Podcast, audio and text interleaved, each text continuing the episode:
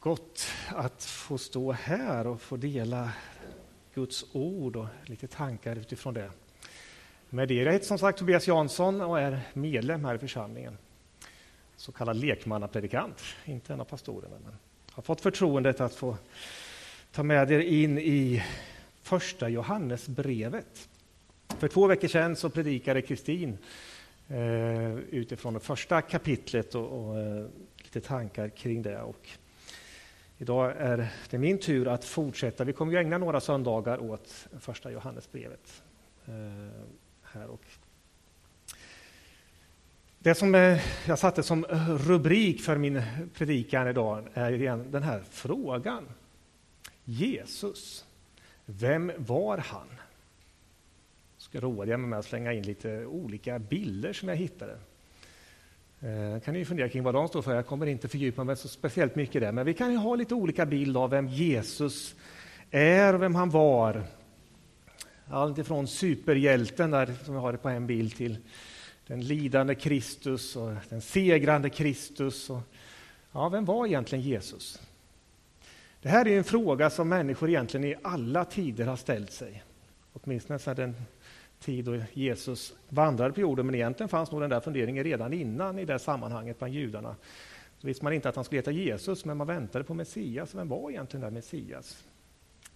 Hur skulle han se ut? Vad skulle han göra? Det fanns olika bilder av det. Eh, och det här var en fråga som diskuterades väldigt mycket när Jesus själv vandrade på jorden. Jag tror många av oss är bekanta med det här sammanhanget när Jesus ställer frågan till lärjungarna. Vem säger människorna att jag är? Och så räknar de upp ett antal svar, profeten och den som skulle komma och så vidare. Och så ställer ju Jesus frågan till lärjungarna själva, vem säger ni då att jag är? Och så det här svaret som Petrus som representant för lärjungarna ger, men du är Messias, den levande Gudens son. Där skulle jag egentligen kunna sätta punkt, för nu har vi fått svaret. Vem är Jesus? Men likväl så är det många som har grubblat kring den här frågan, både då och idag. Vem var Jesus? Och Det här är också en fråga som är central i första Johannesbrevet.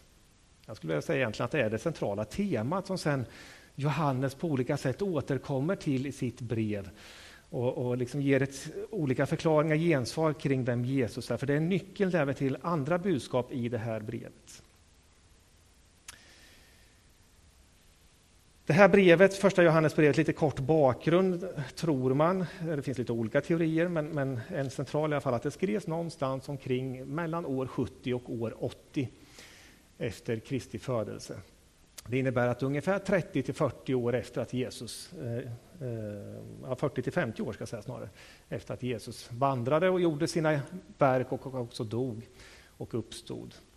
Så det har gått en tid, men samtidigt så är man i alla fall i bibeltroende kretsar är ganska övertygad om att det är lärjungen Johannes som är författaren till det här brevet. Så det är ju ett ögonvittne till Jesus som har skrivit de här orden som vi tar del av i texten.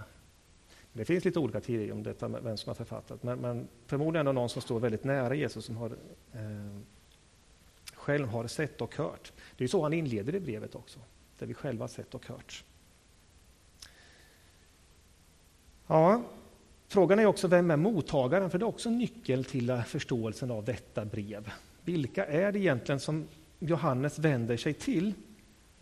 Vi vet inte exakt egentligen. Traditionen säger att Johannes tydligen verkade i staden Efesos som ligger i nuvarande Turkiet. På den tiden så fanns det en provins som kallades Mindre Asien. Eh, och det är helt uppenbart, det står aldrig uttryckligen nämligen vilka mottagarna är, men det är uppenbart att författaren känner mottagarna, hur, han formulerar sig. Eh, att det finns en relation dem emellan och då tror man att det ändå är till det här sammanhanget som han skriver. Och Det som är Johannes grundproblem som han vill ta itu med här, det är att det verkar råda en splittring i den här församlingen. Det är en grupp som har utvecklat en annan lära. Och Det har gått så långt att de faktiskt har lämnat församlingen och brutit sig ur. Och Det är här som Johannes tar itu med. Vad, vad är det de här utbrytarna står för? Eh, och det, han skriver bland annat då i kapitel 2. Det kommer bli väldigt många bibelverser, idag, hoppas ni står ut med dem. De är ganska korta. Eh, och så kan jag redan nu säga att det finns en fara när man bara tar en liten mening och rycker ur ett sammanhang, så jag uppmuntrar väldigt gärna till att läsa hela första Johannesbrevet, så får ni helheten och sammanhanget. Eh, men skulle jag läsa alla dem så blir det väldigt långt. Eh, och så ska jag korta ner och ta lite axplock. Men när han skriver det här i kapitel 2 så skriver han så här då. Mina barn, detta är den sista tiden. Ni har hört att en antikrist skall komma, och nu har också många antikrister trätt fram. Av detta förstår vi att det är den sista tiden.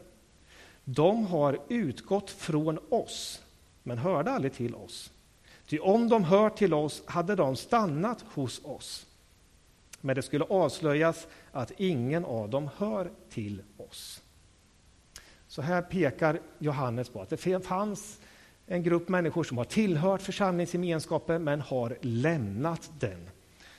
Eh, så det finns en utbrytargrupp ur församlingen här och de har en särskild teologi.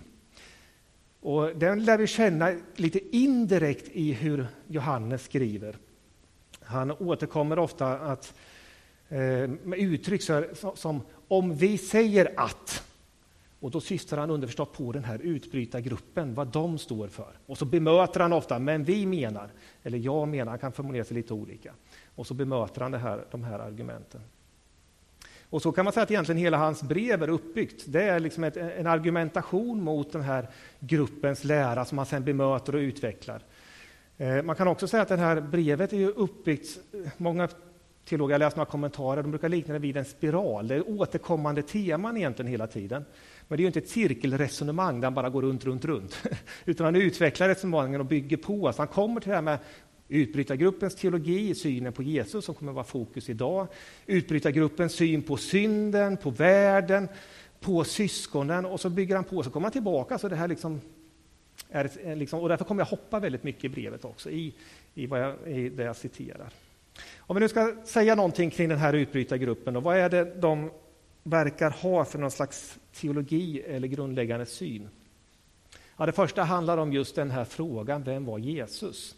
Och då har jag plockat fram ett par eh, bibelcitat eh, från, från Johannesbrevet. Första är från kapitel 2 igen då, där vi läste alldeles nyss, men lite längre fram. Då. Vem är nu lögnare?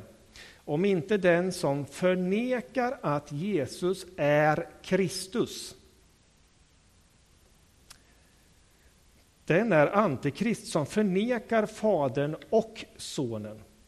Den som förnekar Sonen har, inte, har heller inte Fadern. Den som erkänner Sonen har också Fadern.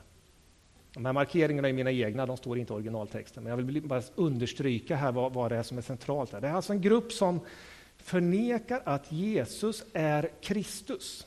Man vill alltså skilja på Jesus, personen, människan Jesus och Kristus, gudomen. Det finns någonting som håller isär här i det här resonemanget som man har. På ett annat ställe så skriver Johannes så kan ni se vilken ande som är Guds. Varje ande som erkänner att Jesus Kristus har kommit i mänsklig gestalt är från Gud. Men den ande som förnekar Jesus är inte från Gud. Det är Antikrists ande som ni har hört skall komma och som redan nu är i världen.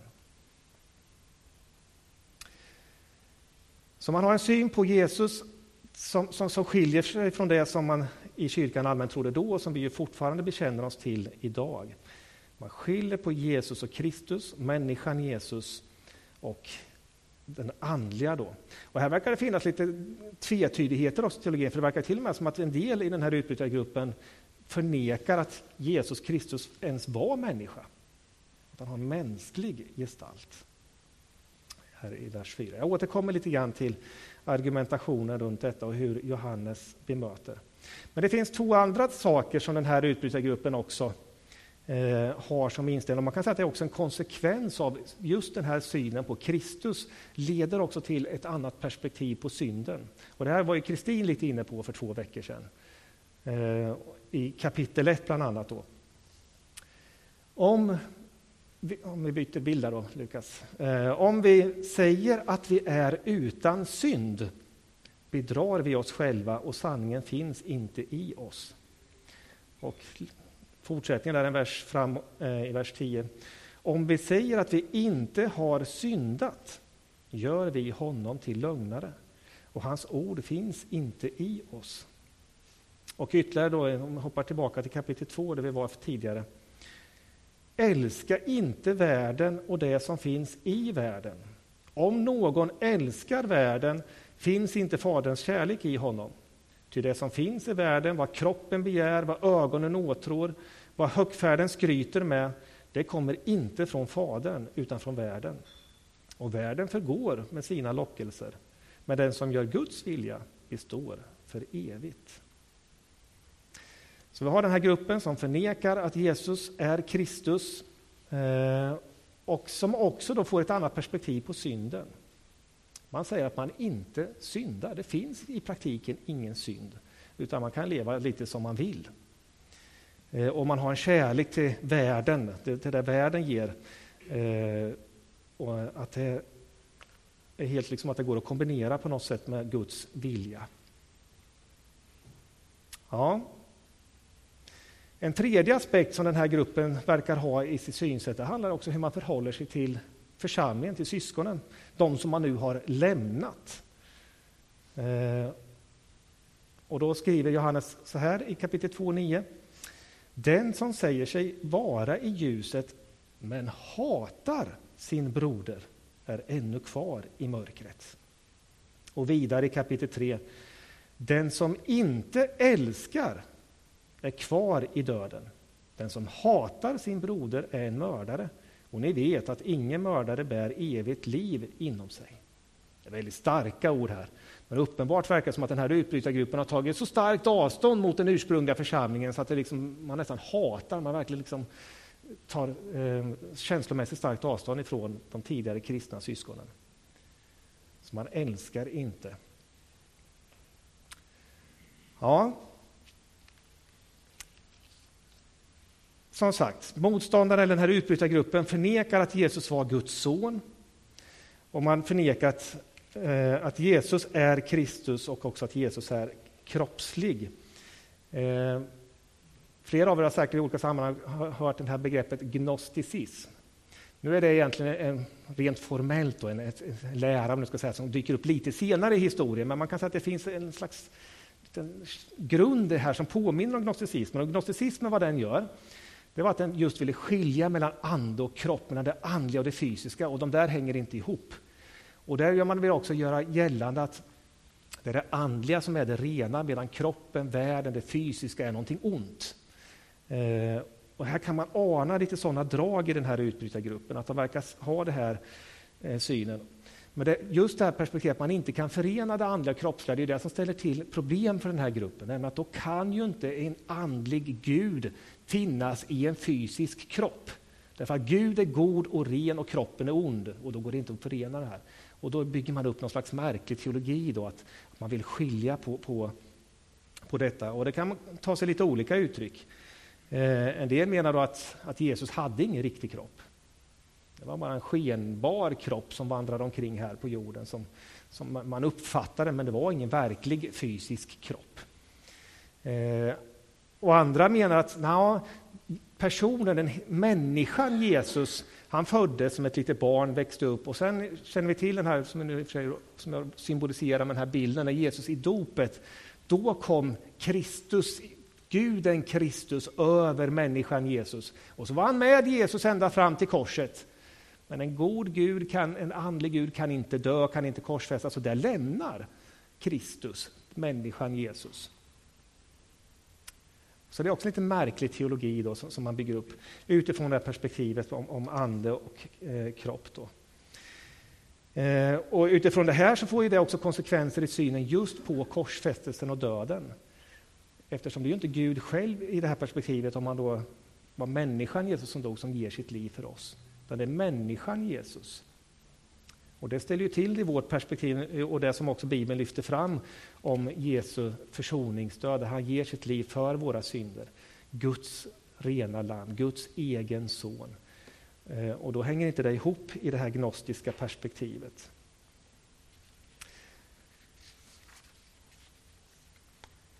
Det här är ju också perspektiv som faktiskt finns även idag. Att man brottas med den här frågan, var Jesus verkligen Gud?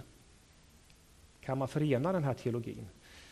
Eh, och jag kan säga att man pratar ibland om det här begreppet den historiske Jesus och då har man någon slags tanke av att man ska sovra bort på något sätt det som kyrkan har hittat på runt Jesus genom tiderna och så skulle man hitta den, den historiske personen Jesus. Vem var han egentligen?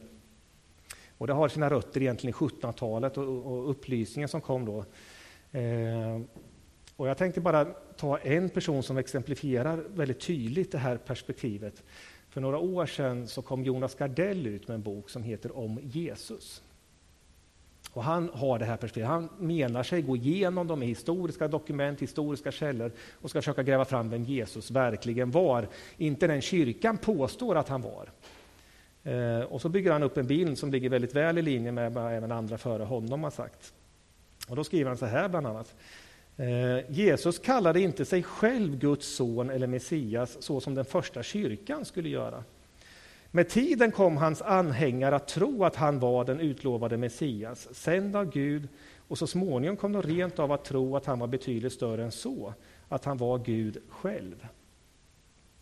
Och här gör han liksom gällande att det här är något som man har hittat på i efterhand, då, att Jesus själv aldrig skulle ha påstått detta. Eh, nu kommer jag inte citera speciellt mycket, men vi kan ju läsa återkommande i evangelierna ändå, där Jesus ganska tydligt, eller väldigt tydligt återkommande ändå visar och uttalar att han faktiskt är Guds son. Allra tydligast i Johannes evangeliet, men även i de andra. Och bland annat det här perspektivet när, som jag nämnde förut, när Petrus bekänner Jesus som Guds son, så avfärdar ju inte Jesus detta, tvärtom. Han bejakar ju och liksom, salig är du Simon Petrus. Eh, och liksom bejakar och, och ger honom beröm för detta, att han har den insikten om vem Jesus verkligen är. En konsekvens av detta perspektiv är att Gardell också, liksom andra med den här synen, ifrågasätter Jesu, inte att han dog, men hans ställföreträdande död. Eh, eftersom Jesus bara är en vanlig människa, så vad betyder den egentligen? Eh, att han korsfäst är ju bara en maktkamp och liksom ett uttryck för, för liksom eh, det som fanns mellan de makthavarna i, i Israel, Palestina och, och det Jesus såg som en upprorsmakare. Det har ingen annan betydelse. Och han är väldigt luddig också kring perspektivet om Jesus verkligen uppstod. Eh, är det någonting att, har det egentligen ens någon betydelse? Eh, så därför är i hans teologi och de som har det här historiska Jesusperspektivet Jesus Eh, eh inte det här offerlammet, offret för våra synder. Eh, och då kan man ju fundera kring eh, varför Jesus dödades. Så då skriver han så här. Varför dödades Jesus? För att han skulle försona världens brott och synder? Frågetecken. För att det var en del av Guds märkliga och hemliga plan att frälsa mänskligheten? Frågetecken för att han skulle låsa upp dörren till dödsriket och släppa de, fånga, de döda fria? Frågetecken. Nej, allt det där är efterkonstruktioner som försöker hitta en mening, något meningsfullt med Jesu död. Ja, det är ett perspektiv som en del vill lyfta fram. Då. Då man samtidigt fundera, varför är det så viktigt då att Jesus skulle vara både Gud och människa? Har det någon betydelse då? Jag har ju redan i och för sig tangerat det här. Och det kan vi återigen gå tillbaka nu igen till första Johannesbrevet som var vår utgångspunkt. För vad blev konsekvensen hos de här utbrytargrupperna, eller gruppen, eh, av det här perspektivet? Jo, det var det som jag redan varit inne på, nämligen att det är det som ger grunden för deras syn på bland annat synden.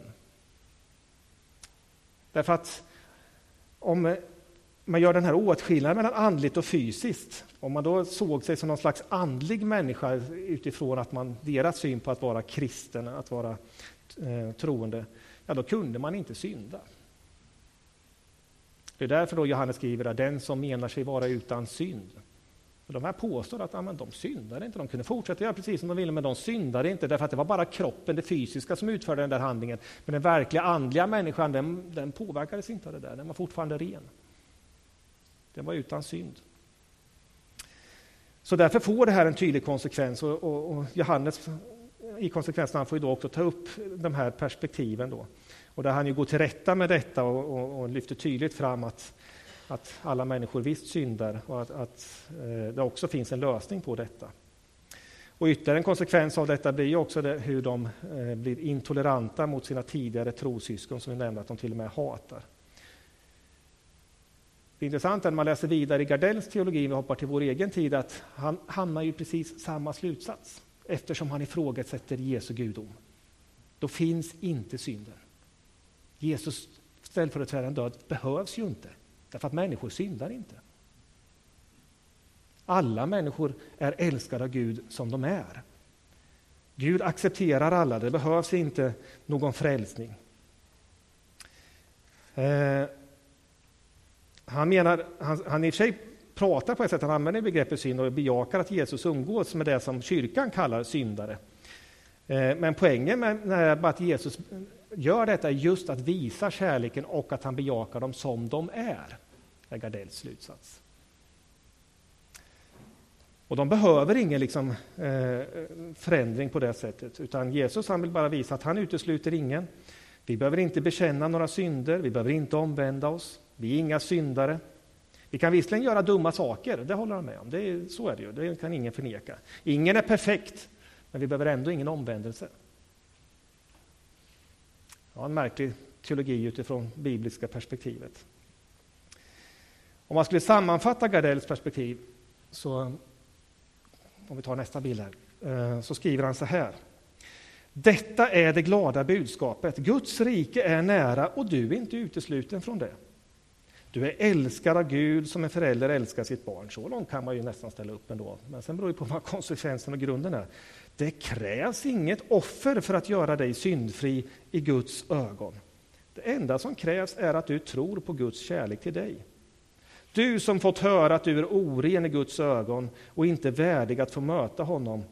Du är inte oren, du är ren. Detta är Jesus eget budskap. Och det går överhuvudtaget inte att få ihop med kristendomens idé om att Jesus dog för våra synder. Ja, det är i den teologin man landar om, om man börjar ifrågasätta personen Jesus Kristus och vem han är. Nu ska vi inte ägna oss åt Gardell och hans tankar, menar att jag snarare ska bemöta dem, och egentligen inte jag, utan det är Johannes via hans ord. För vad säger nu egentligen då Johannes? mot eh, de här perspektiven som fanns i mindre Asien på hans tid och hur skulle han svara på Gardell och liknande tankegångar i vår tid? Ja, för det första så uttalar han sig väldigt skarpt om de här människorna som, som har det här perspektivet. Han talar om falska profeter, antikrist, alltså någon som står emot Kristus. Han använder ju till och med ett uttryck så starkt som djävulens barn om dessa som har. Men han skriver också, om återvänder till kapitel 2 och vers 26, och skriver han Jag skriver här till er om dem som vill bedra er. Det här är bedragare, det är en irrlära, en falsk lära. Som han vill vara väldigt tydlig med, det här ska vi inte ha med att göra. Istället slår Johannes fast att Jesus är Kristus. Och det gör han återkommande på flera ställen. Jag har valt ett axplock här av några citat som ni får på väggen här. Det vi har sett och hört förkunnar vi för er, för att också ni ska vara med i vår gemenskap som är en gemenskap med Fadern och hans son Jesus Kristus. Redan i början av brevet slår han an tonen för vad som är centralt här. Jesus är Kristus och det är Guds son. Mina kära, sätt inte tro till alla andar, utan pröva om de kommer från Gud, till många falska profeter har gått ut i världen. Så kan ni se vilken ande som är Guds. Varje ande som erkänner att Jesus Kristus har kommit i mänsklig gestalt är från Gud. Och det är ingen tvekan här i Johannes budskap. Om någon bekänner att Jesus är Guds son förblir Gud i honom och han i Gud. Var och en som tror att Jesus är Kristus, han är född av Gud. Och till sist också, vi godtar ju människors vittnesbörd, men Guds betyder mer. Ty detta är Guds vittnesbörd. Han har vittnat om sin son. Så Johannes lyfter dessutom att det inte bara är ett mänskligt påfund, utan Gud själv vittnar om vem Jesus Kristus är. Och det är ju någonting som Jesus själv uttalade många gånger eh, när han vandrade på jorden. Att, att se, liksom Gud vittnar, bland annat genom det Jesus gjorde. De tecken och under var ett tecken på att Gud var med honom och att bekräftade att Jesus var den han påstod sig vara. Gud själv är vittnesbörd. Och genom att förneka Jesus som Kristus, som Guds son, så förnekar man ju Fadern själv. Det är det Johannes lyfter fram här i de här, några av de här citaten.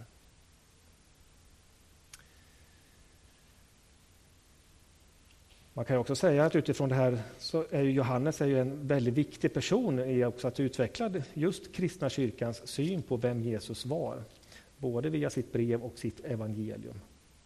Han går också vidare och utvecklar inte bara synen på vem Jesus var, för vi sa ju att konsekvensen av hur vi ser på Jesus påverkar också försoningsperspektivet och, och synen på synden.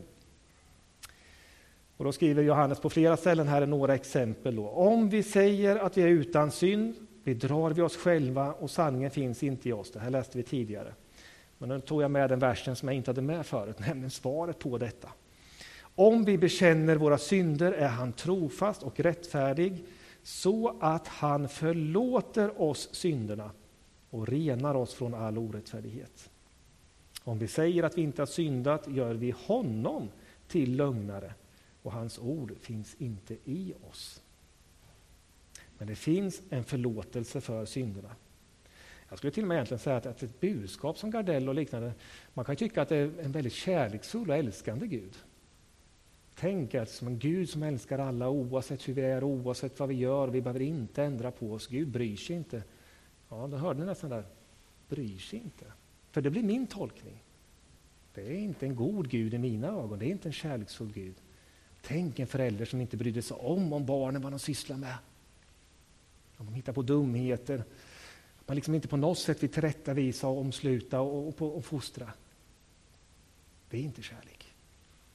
Men Gud älskar oss så mycket att han faktiskt vill ta itu med våra dumheter, för att använda det uttrycket.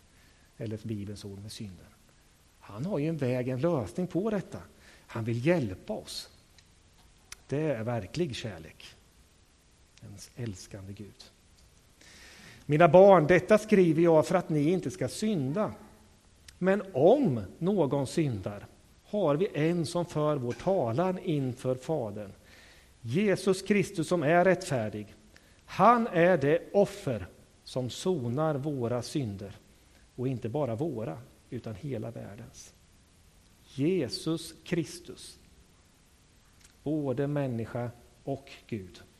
Han är det offer som sonar våra synder. Genom att Jesus gav sitt liv för oss har vi lärt känna kärleken.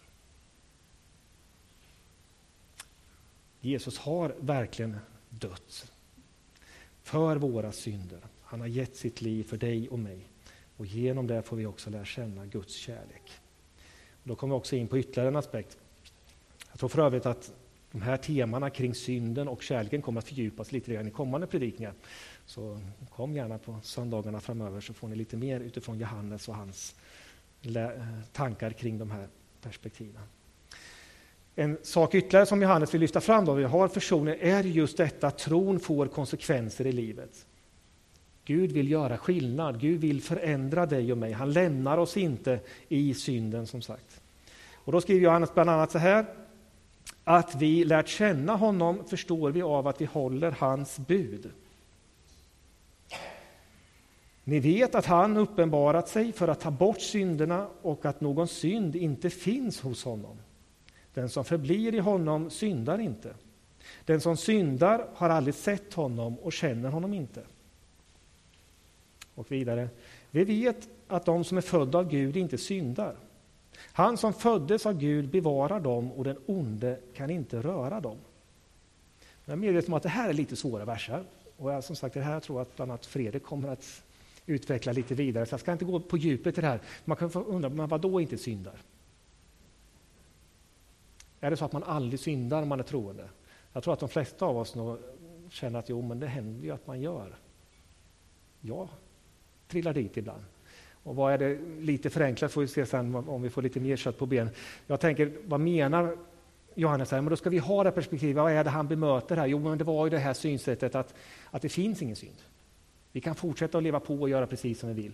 Och i det perspektivet, att ha den inställningen, det är det som är problemet. Men en kristen har inte den inställningen. Vi är medvetna om synden. Och vi har en vilja till att vandra i ljuset som Kristin pratade om för två veckor sedan. Och I det perspektivet så, så söker vi Guds väg för våra liv. Vi erkänner att synden är fel, vi tar avstånd från den och försöker att med Guds hjälp, med Andens hjälp, att leva efter hans vilja. Vi har liksom en annan viljeinriktning och där i ligger skillnaden i att inte synda. För samtidigt, om vi kommer ihåg från förra bilden, hade vi citatet om någon syndar. Johannes är ju medveten om det också. Det hände att den troende syndar. Men då kunde vi vända oss till Gud i bön och bekänna vår synd och få förlåtelse. Det finns en lösning. Vi kan lämna det i Guds händer och Gud vill också vara med och forma våra liv. Men poängen här är ändå att genom att vi har rätt perspektiv på vem Jesus Kristus är, att vi ser Guds död och uppståndelse eh, och den försoning som det innebär, så får det också konsekvenser i våra liv. Gud vill göra skillnad. Han vill ändra riktning på våra liv och också vara med i detta genom sin helige Ande. Och ytterst sett så visar sig det i kärlek. Skulle man sammanfatta liksom vad Gud vill så är det ju det som Johannes återkommer också till i sitt brev. Och detta bud som han vill ge oss, och det kommer här då. Och detta är hans bud, att vi ska tro på hans son Jesu Kristi namn och älska varandra så som han har befallt, befallt oss. Så tron på Jesus Kristus föder också kärlek till varandra och också till människor runt om i vår värld. Det är liksom grunden. Mina kära, låt oss älska varandra, ty kärleken kommer från Gud. Och den som älskar är född av Gud och känner Gud. Men den som inte älskar känner inte Gud eftersom Gud är kärlek. Så uppenbarades Guds kärlek hos oss. Han sände sin enda son till världen för att vi skulle få liv genom honom. Detta är kärleken. Inte att vi har älskat Gud, utan att han har älskat oss och sänt sin son som försoningsoffer för våra synder. återigen, grunden är att Gud älskar, Gud ger sig själv som offer för våra synder och utifrån det kan vi älska. Både älska tillbaka till Gud men också älska varandra och älska våra medmänniskor. Så därför blir den här frågan om vem Jesus är viktig. För om Jesus inte är Gud, eller om man bara är människa, då blir döden på korset ett helt annat. Då faller liksom hela tanken på offerdöden och därmed så skulle vi egentligen vara lämnade åt oss själva och få leva kvar i synden och det problem som, som vi alla är så väl medvetna om. Att den finns i vår värld och också i alla människor. Men Gud var det tack. Han har dött och uppstått för oss. Som människa, som Gud. 100% människa, 100% Gud. Och därmed så finns den här vägen för oss. Kärlekens väg. En kort sammanfattning då. Vad är det jag vill lyfta fram? För det första så betonar brevet då, Johannes, att Jesus var både Gud och människa. Intressant är att under antiken så var det snarare det man hade större problem med, det var egentligen Jesu mänsklighet. I vår tid är det väl kanske tvärtom, att man har problem med Jesu gudomlighet. Man vill reducera honom till att bara vara människa. Men det är avgörande ändå för förståelsen av hela Guds frälsningsverk att Jesus är både Gud och människa. Och det är centralt i Johannes brev. För det andra, att tron får konsekvenser i våra liv som troende. Att frälsningen inte innebär att vi kan fortsätta att leva liksom och acceptera synden som att det är helt okej, okay, utan Gud vill förändra oss. Och den förändringen som Gud gör genom sin ande bekräftar att vi är Guds barn. Det blir ett vittnesbörd om Gud själv, att vi tillhör honom. Och främst då i vår inställning till synden, men det kommer ju också märkas successivt i hur vi lever våra liv. Och det tredje, brevets starka betoning på kärleken som grund. Gud är kärlek, vilket visar sig i hans frälsningsverk. Och vår kärlek är ett gensvar på det Gud har gjort för oss. Vi älskar för att han först har älskat oss. Jag vill avsluta med de sista orden i första Johannesbrevet. Vi vet också att Guds son har kommit och att han har gett oss förstånd så att vi kan känna den sanne. Vi lever i den sanne, i hans son Jesus Kristus. Han är den sanne guden och det eviga livet. Mina barn, var på vakt mot avgudar. Amen.